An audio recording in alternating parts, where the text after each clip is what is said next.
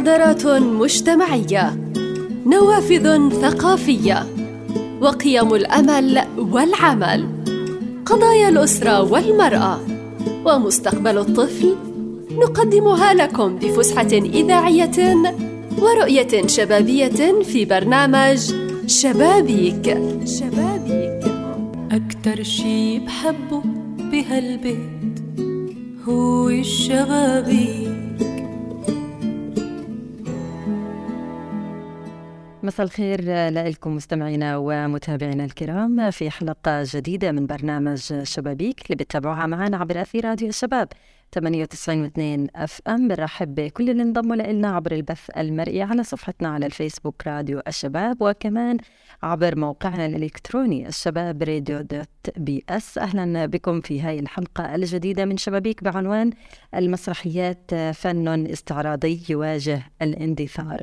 طبعا تأسست في قطاع غزة عدة فرق مسرحية منها ما يعني ما هو غائب ومنها ما زال يعمل حتى يومنا هذا ومن الناحية الفنية لم تستطع تلك التجارب رغم كثرتها ورغم المحاولات الجادة في في تحقيقها أن تشكل حركة مسرحية واعية تسير باتجاه النضج الفني وبالتالي نحو التطور. بل ظلت في فلك أو تدور في فلك الهواية ولا تخرج عن إطار الاجتهادات الإبداعية آه، المحدودة. طبعا رح نتحدث في هاي الحلقة عن تاريخ المسرح الفلسطيني وخاصة في قطاع غزة بعد ظهور عدة فرق مسرحية في قطاع غزة. هنسأل طبعا ضيفنا داخل الاستوديو إذا كانت موجودة آه، أم لا الصعوبات اللي بتواجهها أو الصعوبات اللي يواجهها كمان المسرحيين في قطاع غزة. الكثير من التفاصيل اللي رح نتابعها مع ضيفنا اللي انضم لنا داخل الاستوديو. الأستاذ صلاح طافش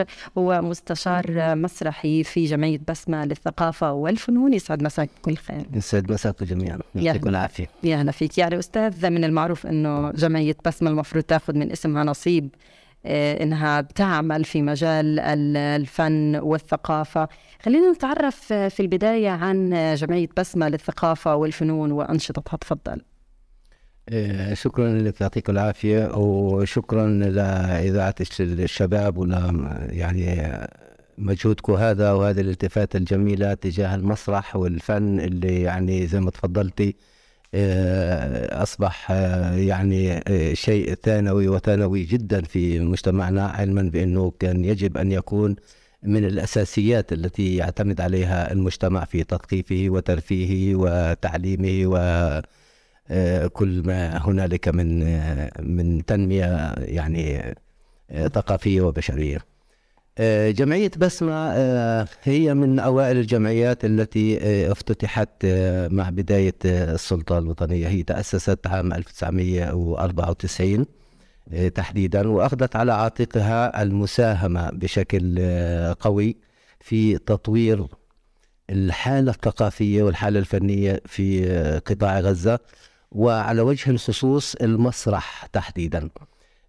جمعية بسمة يحسب لها لأنها آه، تقريبا هي المؤسسة أو الجمعية الوحيدة التي قدمت المسرح العالمي في قطاع غزة. لها رصيد آه، قد يفوق السبع أو ثمان أعمال مسرحية من المسرح العالمي زي العنب الحامض والجسر وأخيرا شفنا آه، المسرحية لسعد الله ونوس مغامرة رأس المملوك جابر وقبلها كانت بيت الدمية لهنريك إبسن من المسرح النرويجي وغيرها من المسرحيات العالمية ومعظمها قدمت باللغة العربية الفصحى. نعم. آه، جمعية بسمة لها أيضا عدة نشاطات على مستوى آه، تثقيفي وتربوي للأطفال تحديدا ولها نشاطات في آه، مجال العلاج النفسي بالدراما.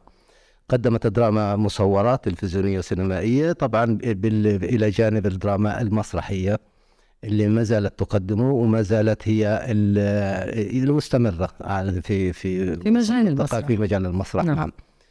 آه، تعاملت آه، مع مخرجين محترفين وتعاملت مع مخرجين محليين من خلينا نقول الهواة كمخرجين وممثلين.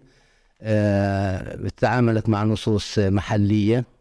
ب- يعني بحلوها ومرها نصوص محلية لكن آه، يعني برزت بتقديم كما سبق وقلت في تقديم المسرح العالمي وهو يعني المسرح- تطرقت للمسرح العالمي يعني شو بتقصد بالمسرح العالمي؟ هل هي يعني أغلب المسرحيات اللي بيتم تنفيذها من قبلكم عبارة عن روايات عالم عالمية؟ نعم.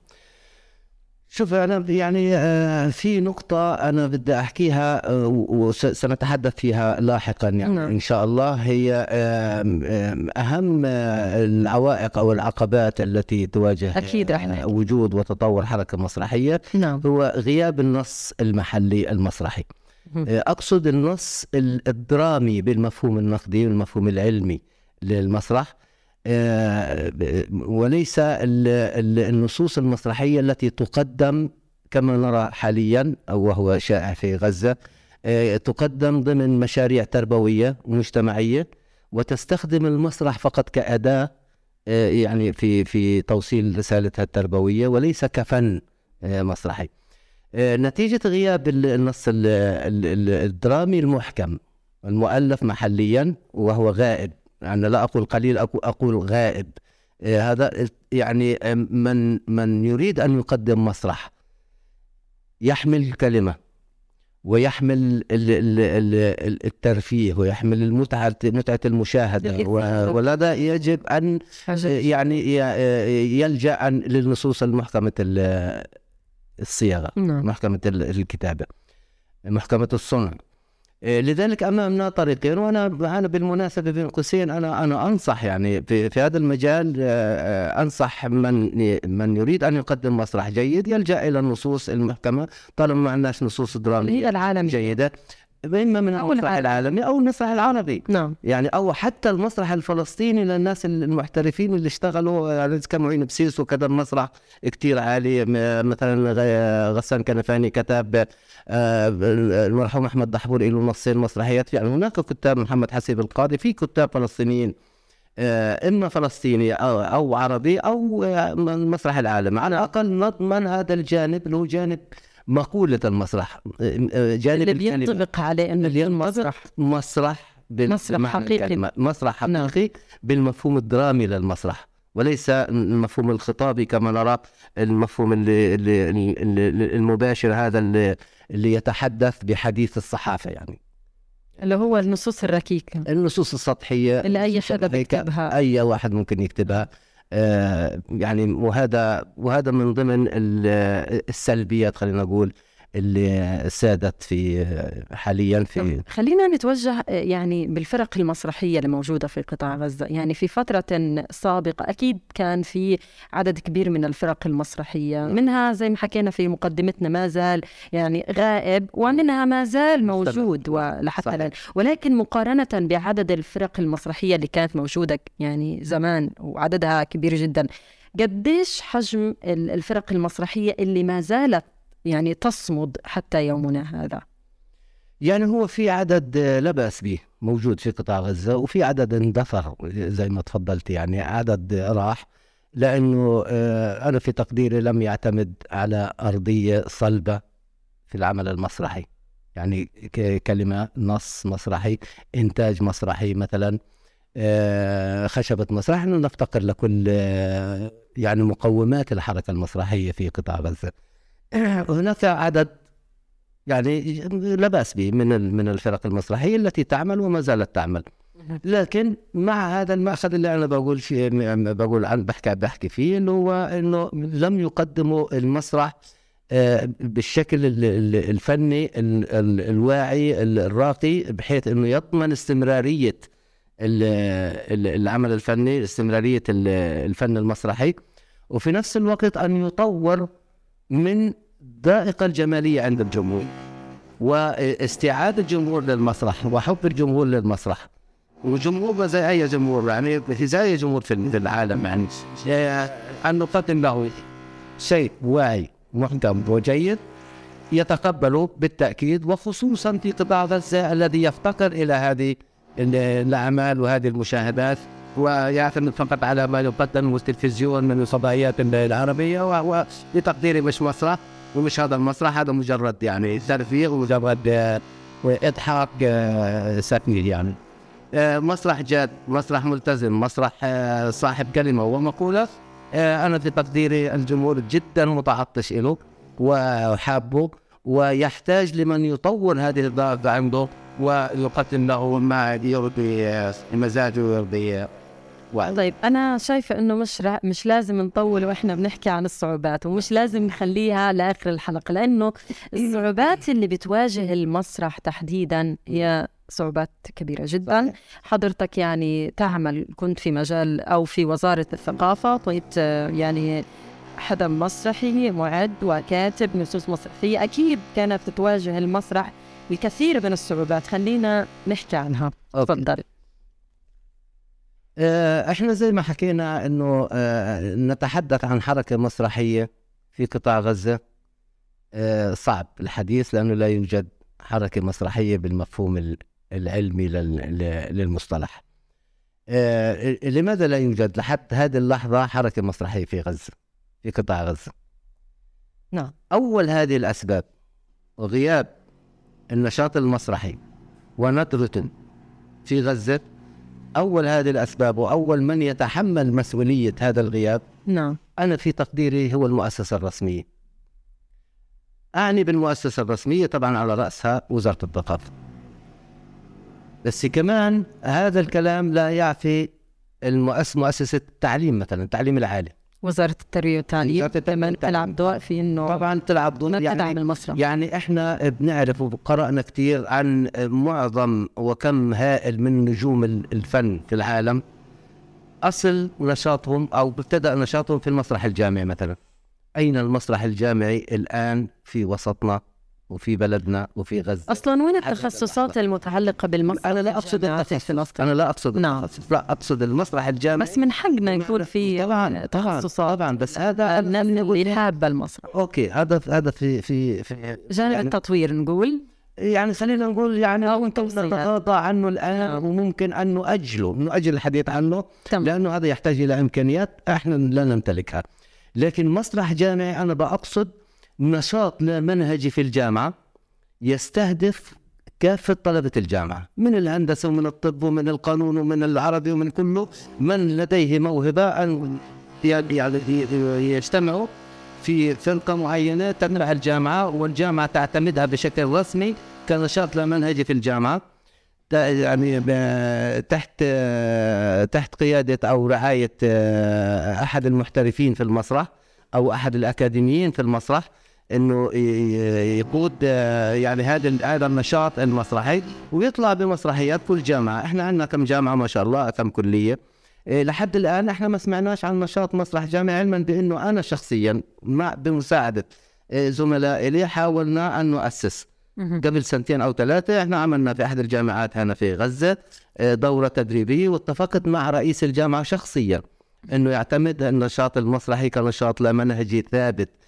تدعم الجامعة وتتبناه الجامعة وهيك ننطلق آه، نعمل آه، فن مسرحي أقرب للاحتراف وأقرب للجانب النقدي البناء الجيد في ال- في المسرح. هذا شيء هذا الشيء مش من مهام وزارة الثقافة. يعني أنت هذا- بتحكي عن مؤسسات تعليمية عندهم آه، يعني مهام معينة لها علاقة بتدريس الأطفال آه، كذلك الجامعات. ولكن الأنشطة اللامنهجية نعم. أعتقد أنه من واجب وزارة الثقافة أنها تتابع هذا الدور. آه، أنا أنا أنا لا لا أنا بعتقد انه لا جائز وزارة الثقافة لها لها دور يختلف تماما وإن كان يعني أكبر من هذا الدور وأعرق من هذا الدور. يعني أنا بدي أسأل في أي جامعة أنا بشوف في نشاط رياضي مثلا؟ الجامعة لها لأنه في تخصص الرياضة. وكمان لا لا لا ما ب- بغض النظر في تخصص ولا ما في تخصص؟ في عندنا في ضمن النشاطات اللامنهجية في عندنا نشاطات رياضية في نشاطات في الفن التشكيلي في نشاطات في المسرح في نشاطات يعني هذا كلام موجود في كل العالم في كل العالم. يعني آه، مثلا في سوريا لم تشهد حركة المسرح نهضة. بشكل لافت وكبير وأصبحت منافسة إلا بعد تأسيس المسرح الجامعي في دمشق وكان هذا عام 1973 تحديدا يعني. ومن اسسه هو واحد فلسطيني من غزة وهو اسمه خليل طافش مخ- مخرج آه، يعني محترف و- وأكاديمي لجأ هناك و- وأسس لهم إلى جانب يعني عمله في في في جانب ثاني. في في في في في مصر مثلا كبار النجوم أصلهم يعني هم من المسرح الجامعي لا علاقة لمعهد الفن في ذلك. يعني إذا بدك نسمي أسماء إنه أصل يعني بدأوا نشاطهم المسرحي في المسرح الجامعي وهم كانوا طلبة في كلية الزراعة وطلبة في كلية أنا يعني بتفق معك إنه نعم. ال- النشاط المدرسي أو النشاط الجامعي بي بيؤسس إلى انه يكون الشخص هذا ممثل مسرحي ناقد مسرحي. نعم. بالضبط. حتى آه. كمان يعني لو بدنا نتطرق لموضوع ال- الصحفيين أصلا هو كان مذيع في المدرسة. نعم. فبن... فهو مارس هذا النشاط في المدرسة وبعد هيك يعني ال- الحياة أسسته انه يكون صحفي في وسائل إعلام مختلفة. نعم. ولكن خلينا نتطرق كمان ل يعني الصعوبات اللي بتواجه عمل المسرح وإن كان يعني وجود المسرح في فلسطين وخاصة قطاع غزة أنا بعتقد إنه من الأشياء المهمة اللي لا تقل أهمية عن وجود ال- المسلسلات والأفلام. وهي الأشياء اللي أصلا إحنا بنفتقرها نعم. بقطاع غزة. صحيح. تفضل. صحيح. يعني أنا زي ما قلت لك في وزارة التربية والتعليم أنا أتحدث عن المسرح الجامعي كمان في حاجة اسمها المسرح المدرسي. نعم. المسرح المدرسي هذه كمان من المسؤوليات في عندهم قسم أو دائرة آه، في النشاط اللامنهجي المسرح المدرسي المفروض إنه هذا مفعل وهذا يعني آه، مسرحة المنهج مثلا أو تقديم مسرحيات للأطفال. آه هذا كمان نشاط مسرحي. هذا يكشف مواهب ويطور مواهب ويحسن من الذوق العام ويحسن من الذائقة الجمالية ويعني توعوي يعني نشاط توعوي وتثقيفي وفي نفس الوقت اكتشاف للمواهب يعني في في هذا في هذا المجال. آه، أنا كمان بقدر ألوم ال- المؤسسات الإعلامية في جانب المسرح. يعني آه، سواء مكتوبة ولا مرئية ولا مسموعة آه، كلها ما ركزتش على نشر الثقافة المسرحية كمثلا بث مسرحيات هادفة ملتزمة آه، تكثف من الندوات حول الحديث عن المسرح وتطوير المسرح و... وإلى آخره. يعني أنا بمناسبة الحديث عن المؤسسة الإعلامية نعم آه، معروف مثلا هناك ما يسمى بالمثلث الإبداعي في في في في, في النقد بشكل عام. المثلث الابداعي هو مثلث له ثلاث أضلاع. الضلع الأول الأساسي هو الفنان المسرحي أو الفنان بشكل عام. الضلع الثاني هو الجمهور. الضلع الثالث اللي لا غنى عنه هو الضلع النقد المسرحي. بدون حركة نقدية فنية لن يتطور فن ولا ولن يوجد فن. ف اين النقد في في في سؤال مهم. في وسطنا سؤال أعتقد أنه يعني حضرتك عملت في هذا المجال فيك تجاوب عنه. أين النقد المسرحي؟ يعني ليش ما فيش أصلا يعني نقد في كل شيء ما فيش نقد في. كل شيء في كل ال- الأشياء ولكن بالنسبة يعني طالما أنه إحنا بنتحدث عن المسرح إذا بدنا نتحدث عن النقد المسرحي ليش ما فيش نقد مسرحي؟ ليش بنفتقر لهاي ال- الخاصية عندنا في قطاع غزة تحديدا؟ يعني هو آه، لأنه لم تلتفت برجع وأقول لا المؤسسة الرسمية ولا المؤسسات الشعبية ال- الأهلية والمؤسسات الخاصة إلى آه، تطوير هذا الجانب زي مثلا بعثات مثلا دراسة يدرسوا. آه، أنا أروح على معهد فن أدرس مش بالضرورة أرجع فنان ممكن أرجع ناقد مثلا فني. هذه البعثات. آه، ما ما اشتغلناش. آه، يعني مثلا أنا عندي عندي يعني ملاحظة أنا أنا أستغربها.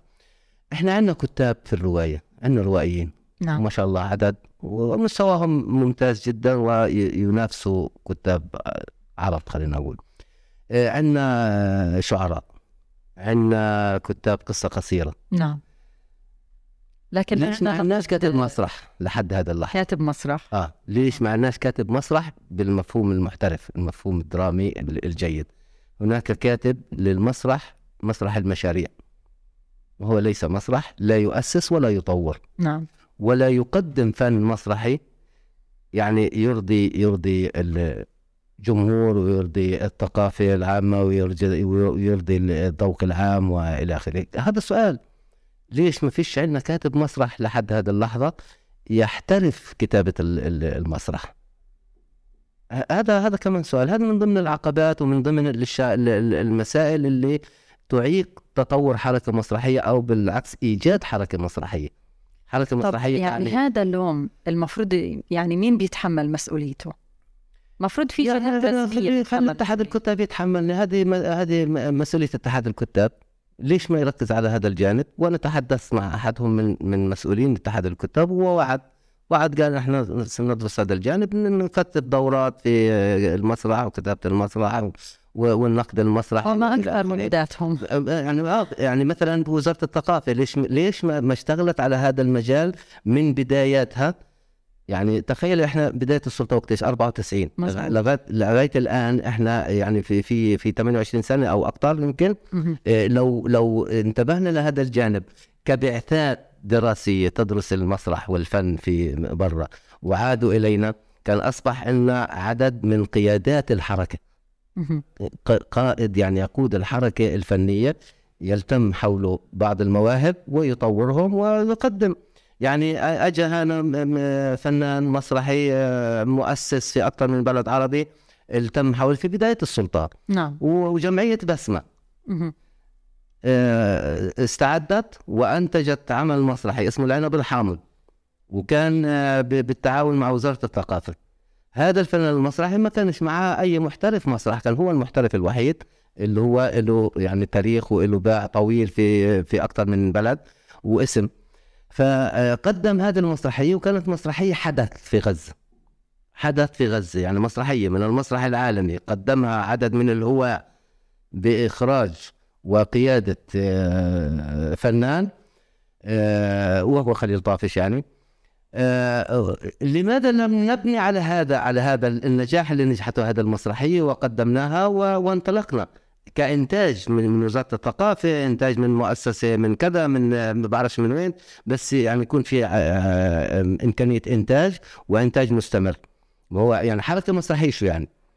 إنتاج عروض مستمرة محترف مسرح يعتاش من المسرح ويقدم مسرح بشكل دائم آه، حركة نقد مسرحي وشباك يعني بمعنى إنه في حركة في في في يعني في خشبة عدد من الجمهور يعني في خشبة مسرح في مادة. في مادة. الامكانيات المادية والفنية كمان والفنية. طيب إحنا معقول إحنا لقيت في سنة ال 23 في القرن ال 21 ما عندناش خشبة مسرح مجهزة في قطاع غزة؟ التجهيز ال ال ال الجيد للمسرح ما عندناش. ما عندناش. طب يعني كيف؟ ليش؟ عندنا شوارع رصفناها بشكل كتير راقي عندنا عمارات عندنا أبراج عندنا مصانع. طب ليش خشبة مسرح ما فيش في جدار سينما مثلا؟ لحد هذا للآن. صحيح. يعني هذا هذا السؤال ليش؟ يعني إيش معنى أنا أنا على مستوى الشخصي أنا لفيت نص أفريقيا اللي إحنا بنقول عنها غابات وبنقول عنها هذا ما فيش بلد تخلو من من, من المسرح. لا فيش بلد ولا من السينما كمان. فيش بلد تخلو من كل النشاط الفني يعني بغض النظر عن التقييم الآن مستواه يعني. بس النشاط موجود. النشاط موجود. ليش عندنا مش موجود؟ طب يعني حضرتك أكيد عندك تساؤلات مهمة وطرحتها الآن. يعني هل طرحتها على مسؤولين؟ شو كان ردة فعل المسؤولين؟ غير الوعودات يعني. حتى الآن إحنا بنحكي عن 2023 رغم أهمية المسرح في معالجة القضايا المحلية ورغم أنه هذا الفن لابد, لابد أن يكون حاضرا آه، عندنا في فلسطين يعني ليش لحتى الآن ما فيش يعني رد فعل طبيعي على هاي التساؤلات ومنها إقامة المسارح في يعني فلسطين هذا السؤال أنا أتساءله بيني وبين نفسي أنا أتساءله والحقيقة أنا مش مش لاقي له جواب ولا لاقي له تفسير إيه لماذا؟ مش لاقي له تفسير مش لاقي له جواب. طب هل تكون يعني قلة إمكانيات مثلا وعي؟ إطلاقا لا لأنه إحنا جماعة أسسنا في أكثر من بلد. بالضبط. ونحن مؤسسين. نعم. في المستويات مؤسسين في الموسيقى وفي المسرح وفي السينما وفي الفن التشكيلي وفي في كل المجالات. نحن مؤسسين ولنا أسماء لامعة. آه إمكانيات مادية؟ لا إمكانيات مادية موجودة لأنه زي ما لقينا للإشي اللي أغلى كان ممكن نجد أن لهذا لهذا الجانب إذا كان يعني اقتنعنا بأنه جانب مهم وله الأولوية. فهذا السؤال يعني أنا ما أنا طرحته على مسؤولين أنا بقول لك يعني مش مش مش محتاج إني أطرح على مسؤولين لأنه يصل للمسؤول. يصل عبر وسائل الإعلام يصل ويصل من بأكثر من من طريقة يعني. طيب لو بدنا نيجي لموضوع النقد المسرحي أكيد حضرتك حكيت أنه بتواجه صعوبات وحتى إن وجد ناقدين مسرحيين في غزة وقابلتوهم حتى في المسرحية الأخيرة. نعم. طيب هل يعني آه، طريقة نقدهم لل- للمسرحية مقنعة بأنه هي فعلا آه، نقد حقيقي للمسرح ولا هو نقد لمجرد النقد؟ يعني شوف أنا بقدرش أقول نقد. يعني أنا آه، يعني بعتقد إنه هذا إجحاف في حق ما يكتب إذا سميته نقد أو في حق النقد إجحاف يعني إذا سميته نقد. هو ليس نقد. هو مجرد مجموعة من الآراء تقال بشكل فطري بشكل يعني عفوي له علاقة بال- بالذائقة الذاتية للشخص إنه أنا حبيت أو ما حبيت عجبني أو ما عجبني مش هذا النقد. أنا لحد الآن ما شفتش آه، نقد. مفهوم حقيقي. نقدي نقد حقيقي إلا قبل يومين وصلني مقال نقدي عن المسرحية.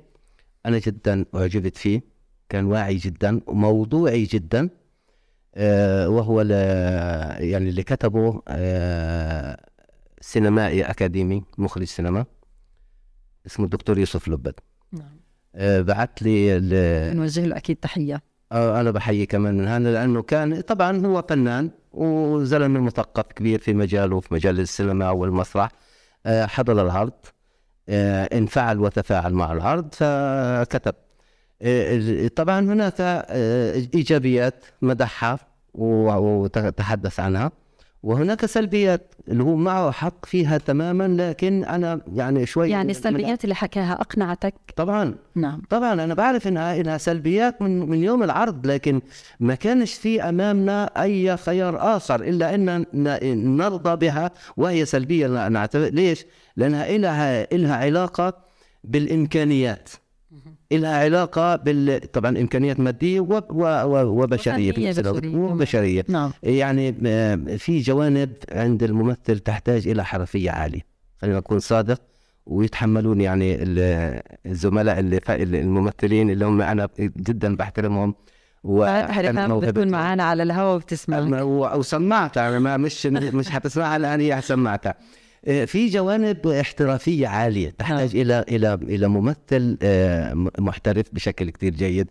آه، بالتأكيد آه، لما قدم هذه الهفوات اللي صارت أنا لا ألومه لأنه ما صارش في آه، عملية صقل بشكل كافي له ما صارش في عنده هالخبرة ال- ال- الطويلة. يعني هل ما تشبعش بالشخصية نفسها آه، ولا مش بالشخصية، بشكل بالشخصية. أنا بحكي بالأداء المسرحي. المسرحي بالأداء تمام. مش بالشخصية. لا بالشخصية تم الشرح له بشكل كتير كافي واستوعبها وتمام. طيب يعني علشان الناس اللي بيسمعونا الآن إحنا بنحكي عن مسرحية رأس المملوك جابر. رأس المملوك جابر لصعب الله ونص خلينا نحكي عن عن هاي المسرحية. شو تضمنت؟ آه، مسرحية رأس المملوك جابر هي مسرحية للكاتب السوري العالمي آه، سعد الله والنوس الله يرحمه. آه، مسرحية ضخمة هي يعني أشبه بالملحمة المسرحية كبيرة. هي من المسرح الذي يعتمد على الحكوات على الراوي في روايته. طبعا إذا تحدثنا عن رأس المملوك جابر كمسرحية أنا أقول أنه مستحيل أن نستطيع تقديمها في غزة كما هي كما أرادها سعد الله والنص مهم. لذلك أنا من المعجبين في هذا النص زي غيري من زملائي وحبينا أن نقدمه. كان لازم ولا بد من إعداد هذا النص وتكييفه حسب ظرفنا في غزة بحيث أنه يتلائم مع ظرفنا ونستطيع أن نقدمه. نعم. فتم إعداد لهذا النص. إعداد بمعنى ضغطنا النص قدر المستطاع وأنا أنا اللي- ال- النص نعم. هذا يعني أنا عملت الإعداد ضغطنا النص ل يعني أصغر قدر ممكن لا أصغر ولا يعني كمان بدكم تراعوا إنه القضايا اللي موجودة في الرواية تناسب المجتمع لا لا لا أنا ما ولا هي متفقة ما. تصرفتش ب- ب- بمقولة سعد الله والنوس نعم. أنا ما تصرفت بمقولة سعد الله والنوس إيش كانت مقولته؟ آه، أنا جاي لك في الحكي تفضل فلذلك إحنا ضغطناها بحيث إنه اختصرنا كثير منها من من حوارها كيفناها حسب حسب ظرفنا وحسب خشبة مسرحنا المتقشفة اللي كمان اللي كان لازم يعني تتناسب مع تنقلاتنا في المسرح الجوال نعرضها في في أكثر من مكان. وكمان حسب إمكانيات ال- الممثل اللي عندنا اللي يعني كمان بده بده بده ظرف أحسن من هيك حتى يقدم. إحنا ممثلنا هو الممثل اللي, اللي هو اللي بيمثل وهو في نفس الوقت يعمل في تركيب الديكور ويعمل في نقل الديكور ويعمل في في في في جانب ثاني في مجال ثاني للقمة عيش وهذا فيعني بده بده ظرف آه، حافظنا على مقولة ال- المسرحية محاكمة رأس المملوك جابر. ال- المسرحية تتحدث عن آه، خلاف ما بين ملك ووزير يرويها راوي لرواد مقهى. مقهى شعبي. نعم. يروي لهم رواية حكاية حكاية خلاف ما بين الوزير والخليفة وخليفته وما ترتب على هذا الخلاف على ال- المواطن العادي. وهذا وهذا الصراع. آه، قدمت نماذج للمثقف في مجتمعنا. مين المثقف اللي إحنا محتاجينه؟ مين المثقف اللي اللي قادر على خدمة بلده وخدمة وطنه وخدمة آه، شعبه؟ هل هو المثقف الحقيقي الصادق الإيجابي؟ أم هو المثقف الحقيقي الصادق السلبي؟ أم هو المثقف الانتهازي. اللي لا يلتفت لوطن ولا لشعب ولا حاجة لا انتهاز يلتفت لمصلحته الشخصية؟ من هو المثقف؟ إحنا شفنا بشكل بارز وهو جابر المملوك جابر. هو يعني مثقف انتهز فرصة لمصلحته الشخصية. نعم. دون الالتفات لمصلحة البلد والوطن والشعب وشفنا نهايته في الآخر أجت على رأسه وطار رأسه. طب السؤال هي ما بتطير رؤوس ال- الناس اللي حاكميننا ليش؟ طالما المملوك جابر طالت رأسه. أنا أتحدث عن مثقف. نعم. مثقف انتهازي. فمثقف يسعى لمصلحته الشخصية. أنا لا أتحدث عن مس... يعني هو المثقف في الروايات بيكون قادر إنه يعني حاكم صاحب الصوت. هذا هذا المطلوب. آه، هذا المطلوب هذا المطلوب. من ال- اللي بيحضر المسرحية إنه يتأثر فيها أنه يتأثر أنه يشوف نهاية المثقف الانتهازي. نعم. نهاية المثقف الصادق مهم. اللي غيور على البلد وغيور على الوطن وغيور على ثقافة البلد وغيور على تربية البلد. آه، وصادق في هذا الجانب وإيجابي في نفس الوقت. نعم. هذا هو المطلوب وال... وما دون ذلك هي نهايته. يعني أنا مثقف انتهازي أسعى لمصلحتي الشخصية ونهايتي هي هي هي نهايتي. فهي أنا أتحدث عن المثقف. الآن صراع السياسيين وصراع الكراسي هذا شيء شيء عالمي دولي؟ في كل بلد ممكن نلاقي صراع بين بين المسؤولين. إيش نتيجة هذا الصراع على المواطن؟ طب حتى نخفف عن هذا المواطن كيف نتعامل مع هذا الصراع؟ رح أرجع أحكي معك في موضوع المسرحية بس رح يعني نتابع جزء منها بسيط ونستقبل الممثلة ريهام آه، فتحي معنا عبر الهواء طبعا. آه. تمام. وسهلا. نعم مستمعينا ومتابعينا الكرام رح نروح نسمع جزء من مسرحية رأس المملوك جابر ومن ثم نعود خليكم معنا. Ergen bei Ort. Der Mann darauf wartet. Thirty points danger court temperate. Recording in the city of Central Walking up in the Adim. I'm not gonna be empty, I need wood. We're also gonna look up in the island. Brooklyn, Sydney, Phil night.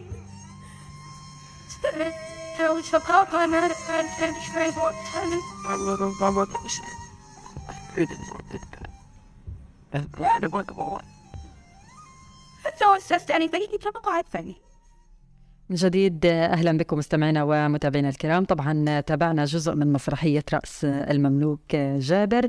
طبعا بنرحب بضيفتنا اللي انضمت لنا عبر الاتصال الممثلة المسرحية الرائعة طبعا ريهام فتحي. يسعد مساكي بكل خير ريهام. حيث مساكي ويكون مساء المشاهدين وكان صباح تكون خير إن شاء الله. بيسلم عليك يا أستاذ صلاح. يسعدك مساك يا ريهام شفرك على الهواء يا ريهام. يسعد مساك يا رياض طيب ريهام احكي لنا عن دورك في المسرحية. احكي لنا عن كثير من التفاصيل اللي واجهتيها في المسرحية. تفضلي معك الهواء. عفوا عفوا إيش كثير؟ إيش؟ بحكي لك احكي لنا عن دورك في المسرحية على شو كان بيقوم. أدور المطرحية كنت برسم نور عامة الشعر يعني كان لي هم ثلاث مشاهد كل مشهد بيحكي عن إيش الآثار اللي ترتبت على عن الشعب آه، نتيجة الصراع على السلطة الصراع على الحكم كيف هو نتيجة الطمع نتيجة الجشع آه، كيف كانت بتعاني هذه السيدة في أول مشهد أو ثاني مشهد بنحكي عنه إنه ما فيش خبز وكيف كان إنه قصة تفكيرهم أنا تمسكت لك بمثل الشعب إنه أتمثل لنا فقط هو لقمة العيش آه، المشهد اللي بعدين هو كان مشهد كتير آه، مهم بالنسبة لي أنا كمان وكمان لاحظت إنه أثر كتير في الجمهور إنه كيف وصل بهذه السيدة أو بزوج هذا السيد إنه يدفعها إنه آه، تعمل كده بالشرف عشان توفر لقمة العيش لهذا البيت. طيب كانت يعني الموضوع كان حساس لكنه كان يعني آه، موجود موجود وانت عنه كيف كان شعورك وأنت بتأدي هذا الدور ريهام؟ كيف شعور؟ آه، هو والله هو الشيء مش بسيط يعني إحنا تعلمنا بالمسرح إنه عشان أنت تطبق أو عشان أنت تدي الدور بشكل جميل لازم نربطه ذاكرتنا العاطفية والانسان اللي معنا زي لا لا أنا لازم بدي هو أنا أربطه على كرتي مستحيل لكن بدي أعيش لحظه بدي اعيش موقف شفته أو سمعته عشان أجيب الشخص حدث المشهد هذا. فكثير كنت يعني طلعت على كثير بناء كانت من هذا الموقف كيف إنها تصرفت أو كيف إنها استنتجت هذا الاتجاه عشان توفر لقمة العيش. سألت آه، المخرج سألت ال- ال- الأستاذ صلاح آه، ساعدوني كثير إن أنا كيف أخذ الشحنة هذه عشان اغيرها صح والحمد لله يعني. يعني شكله أستاذ صلاح كان قاسي معك يا ريهام. الاستاذ صلاح يعني هو يعني الحمد لله استغناش عنه في المسرحية وكان له شغل كبير في نجاح المسرحية مع المخرج آه، الاستاذ مار حنونه آه، كانت تحية لإله. كثير إنه يعطينا المعنى معنى إن الجمله اللي هو بديش احكي من جمله جمله افهم معناها أنا الأول عشان أقدر اوصل هذا الاحساس صادق للجمهور. وأنا ليش أطلع أمثل؟ أنا أنا أنا بدي لا أنا بكون صادقه ابائي طيب ريهام يعني كان العرض يوم الأربعاء الماضي. آه، احكي لنا عن رد فعل الجمهور وهو بيشاهدك وبيحضرك. آه، كيف كان رد فعله؟ آه، يعني هل أقنعتيهم بالدور؟ يعني احكي لنا هاي التفاصيل. أول شيء هو الجمهور كان متعصب جدا. لمسرح جمعية بس للتخاطب لأنه على قول إن الناس اللي متابعة كانت أعمالنا إحنا توقفنا يعني عن آخر عرض من بداية كورونا. يعني قعدنا يمكن سنتين وإيش ما بنعملش على مسرحية فكان في هناك آه، ناس بتسأل وبتدور على المسرح وإن كان موجود في غزة وجميل. لكن يعتبر آه، اعتبروا هم جمهور إنه آه، مسرح بس ما مسرح المسرح الكلاسيكي المسرح الجميل اللي هم بدهم إياه. فقرب نهاية العرض آه، يعني لما بيبدوا الناس يجوا يحكوا معي أو يحلونا يعني تحكونا أنتوا أنتوا لمستونا أنتوا يعني الشيء اللي أنتوا بتحكونا مسكونا حسين على نفس الشيء أنتوا قادرين نحكيه. آه، فيعني التعب كثير بالعمل الحمد لله. التعب بأداء الممثلين الزملاء الممثلين بالاخراج بالاعداد آه، إحنا كمان انبسطنا جدا آه، قدرنا نوصل هذا الرسالة للجمهور وكان هذا هو هدفنا الاساسي يعني. طيب ريهام أنتم بعد العرض الأول ليوم الأربعاء أعتقد من يومين أو امبارح كان في عرض تاني. هل اختلف أدائك عن العرض الأول؟ هل قدمتي أفضل عن العرض الأول؟ آه، هو الصراحة إحنا في خلال جولة العروض دائما من بنحسن حالنا من افضل وإن كان العرض الافتتاحي كان جميل ورائع لكن كل مرة عن مرة بنبدأ نجذب الناس زي ما بيحكوا أو بشكل أكثر. نبدأ الارتباك الربط اللي كانت فيه أنا في في يوم العرض مختلفة تماما عن الخوف أو الخبرة آه، في العروض وإن كانت مطلوبة يعني. لكن آه، ال- الأداء الحمد لله بتحسن للأفضل يعني وهذا يعني اللي بندفع له كل مرة نقدم إشي جميل للجمهور نقدم إشي سابق للجمهور لكن يوم الافتتاح هذا بكون آه، إشي إشي ثاني. أيوة ما دام بكون دقيقة من الخوف ورا في الكواليس طيب آه، حكيت عن إشي له علاقة بالكواليس. كيف كانت الكواليس؟ هل كان يعني في آه، يعني الممثلين كان في بينهم آه، روح التعاون على إنكم تأدوا ال- النصوص بشكل متقن أفضل خاصة إنه الجمهور يعني بنحكي إنه متعطش للمسرحيات؟ صحيح. الحمد لله رب العالمين. إحنا بالجانب الأداء والتمثيل اللي إحنا بنسعى له إنه يكون جميل للجمهور لكن ينساش العلاقات الاجتماعية بيننا كفريق خاصة إحنا كنا 11 شخص مع عمرها وقت أنا يعني. فحسيت بأخوية كثير معهم آه، في الكواليس كنا آه، نشحن بعض إنه خليه قوي. إحنا بنكمل قاعد اللي بي اللي بيضعف على المسرح الثاني قوي آه، كنا اللي بخلص مشهد ويجي الكواليس نحكي له برافو عليك قدمت حلو قدمت ممتاز اقعد ارتاح واشحن حالك وتزنقل بعديها. كنا بنهيئ بعض في الكواليس قبل ما نطلع على ال على الساحة على المسرح. وحتى كنا دائما ماسكين المسرح دائما قلنا لو حدا نسي على المسرح ان إحنا نرد بس الحمد لله تشتي مجالنا هذا الشيء بس إنه أنا برغز إن إحنا متواصلين إيش نحكي على أساس إن إحنا نكمل بعض في العمل لأنه إحنا نحكي عن عمل جماعي مش دور بطولي ودور أوحد لا هو عمل بيمثلنا جميعا بيمثل جمعية بسمة بيمثل بيمثل الممثلين في عمل العام أخيرا ريهام الفنانة المسرحية شو اللي بتتمنيه في هذا المجال تحديدا؟ طبعا أنا امنيات كثير صارت بحكيت مش حتقول فانا بس إنه نفسي نفسي عن جد إنه يكون في ذات تكون أكثر من المسرح لأن كان في أصبح في تغير كبير يعني نسب المشاهده والاقبال على المسرح تغيرت يعني من زمان لليوم غير إن أنا بطمح يكون في عندنا أكاديميات بطمح يكون عندنا أكاديميين بطمح يكون عندنا نقاط. ناس تنتقدك على أساس علمي ناس تيجي تحكي وهي فاهمه إيش هو المسرح. أنا نفسي يكون علم المسرح يطبق عنا أنا بغزة. إن شاء الله ريهام يعني تكون ضافر أكثر من هيك كمان. إن شاء الله بنتمنى لك أكيد التوفيق كانت معنا. ريهام فتحي الممثلة المسرحية. شكرا جزيلا لك لك طبعا بنرجع مرة ثانية لضيفنا داخل الاستوديو الأستاذ صلاح طافش المستشار المسرحي في جمعية بسمة للثقافة والفنون. أهلا بك من جديد أستاذ صلاح. يعني بنحكي عن آه، ريهام هي الممثلة الوحيدة بين 11 ممثل. هل المسرح الفلسطيني بيفتقر آه، لوجود الممثلات؟ شو الصعوبات اللي بنواجهها في هاي النقطة تحديدا؟ يعني هو من ضمن المسائل اللي حكينا عنها يعني عوائق آه، تطور الحركة المسرحية في غزة هو آه، سابقا كان غياب العنصر النسائي. الآن بقدر أقول قلة العنصر النسائي أو يعني ضعف وجوده. آه، أصبح موجود إن بس قلة قليل. يعني مش بالعدد الكافي للنهضة بحركة يعني حركة مسرحية. آه، المفروض إنه في أكتر آه، المفروض إنه في أكاديميين أكتر يقودوا حركة. آه، العنصر النسائي أصبح موجود موجود وله حضوره يعني على المسرح. رهام خلينا نقول من أهم يعني حاليا موجودة بس في أسماء ثانية يعني العنصر النسائي آه، آه، كان كان زمان عقبة وعقبة كبيرة. يعني كان خصوصا في المسرح. إنه تبحثي عن ممثله مسرح أو فتاة تسمح لنفسها أو أهلها يسمحوا لها ان تقف على المسرح وتمثل المسرح كان كثير صعب. كان صعب يعني لظروف يمكن فيش مجال نحكي فيها بس الآن الأمر تغير اختلف أصبح موجود العنصر النسائي موجود كممثلة. شفنا العنصر النسائي كمخرجة. شفنا العنصر النسائي كمحاولة إنها تكتب. يمكن إحنا بنصير على التطور بس ببطء. هاي مشكلة أعتقد.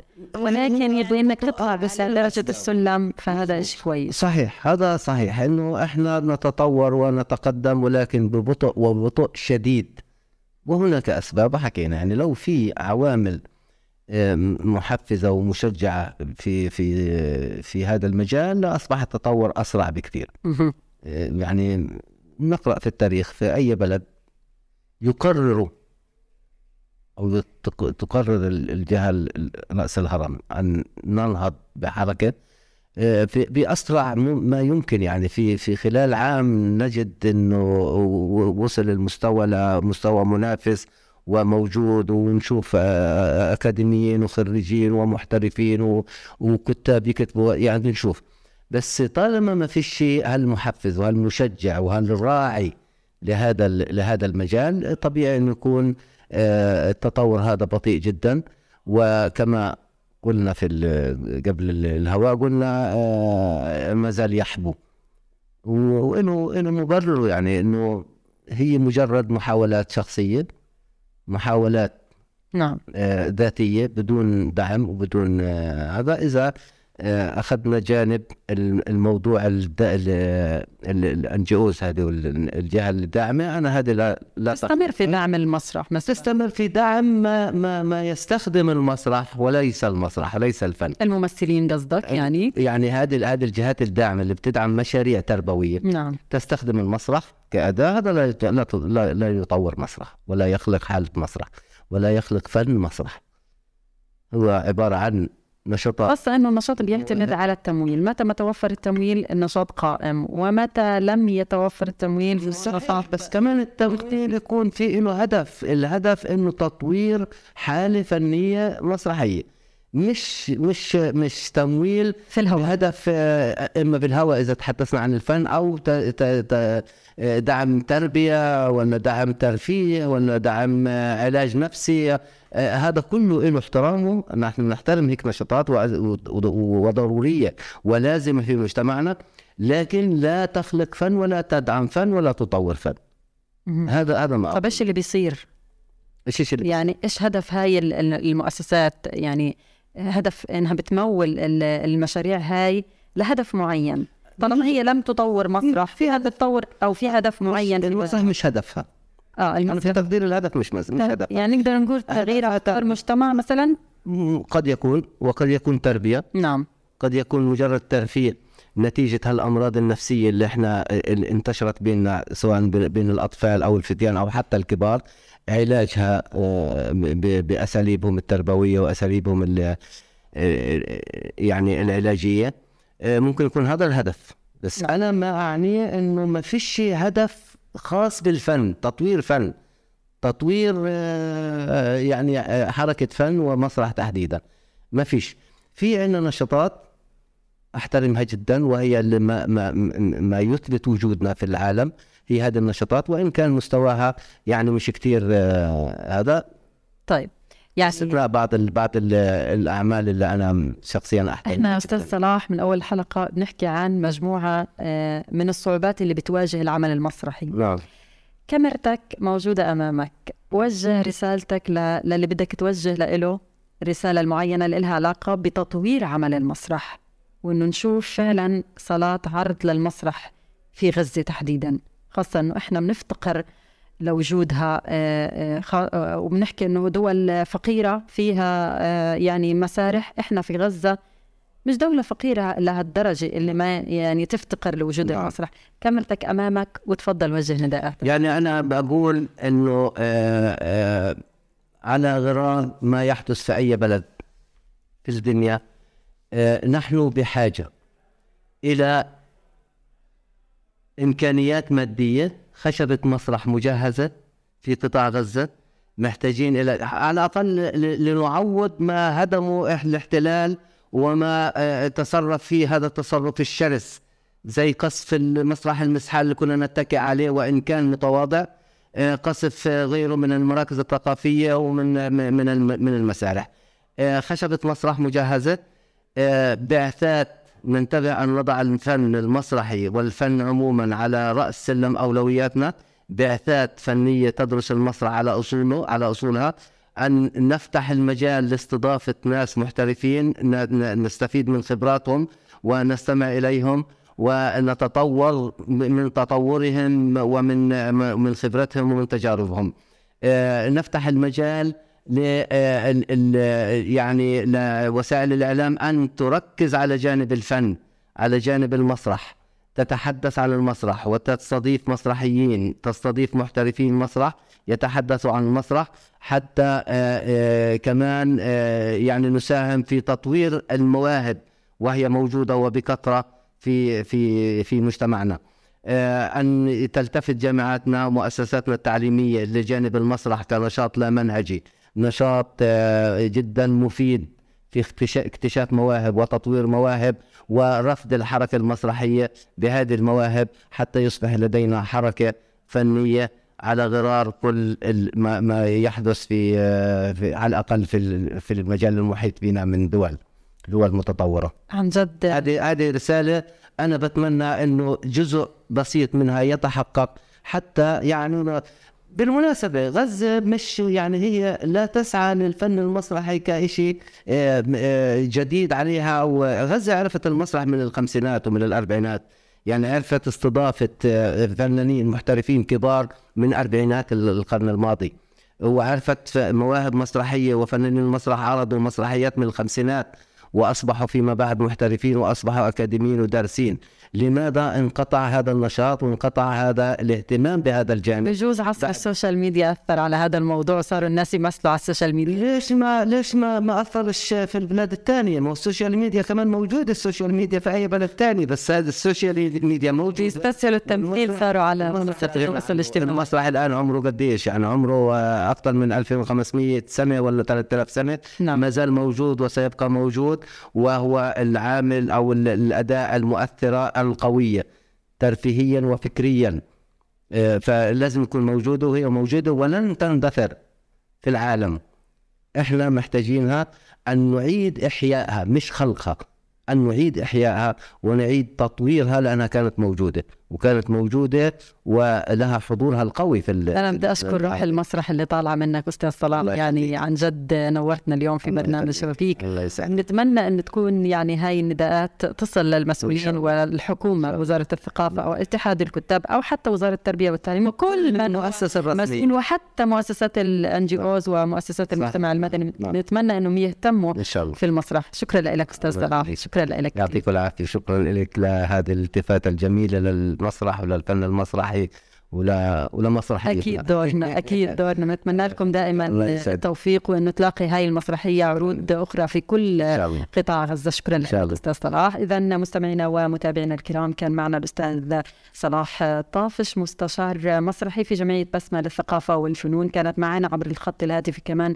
الممثلة المسرحية ريهام فتحي. اذا اليوم تحدثنا عن المسرح في قطاع غزة. انتهت حلقتنا لليوم من برنامج شبابيك. استنونا في حلقة جديدة على نفس الموعد الأحد الجاي الساعة واحدة مساء. وإن شاء الله بيكون يعني حلقة جديدة مميزة مثل ما أنتم بتتمنوا مستمعينا ومتابعينا الكرام. شكرا لكم وعلى تواجدكم معنا سواء على منصات التواصل الاجتماعي وحتى على ال FM 98 و2 FM وأكيد قبل ما غادركم بدي أشكر فريق العمل في برنامج شبابيك المهندس الإذاعي الزميل محمد أبو علي ومن الكاميرا محمد موسى البث المرئي المهندس محمد الجروم المهندس محمود أبو مصطفى والإشراف عمر أبو ندى. وهذه تحياتي أنا من الإعداد والتقديم أمل بريك دمتم بود وإلى اللقاء. مبادرات مجتمعية نوافذ ثقافية وقيم الأمل والعمل قضايا الأسرة والمرأة ومستقبل الطفل نقدمها لكم بفسحة إذاعية ورؤية شبابية في برنامج شبابيك. شبابيك. أكتر شي بحبه بهالبيت هو الشبابيك.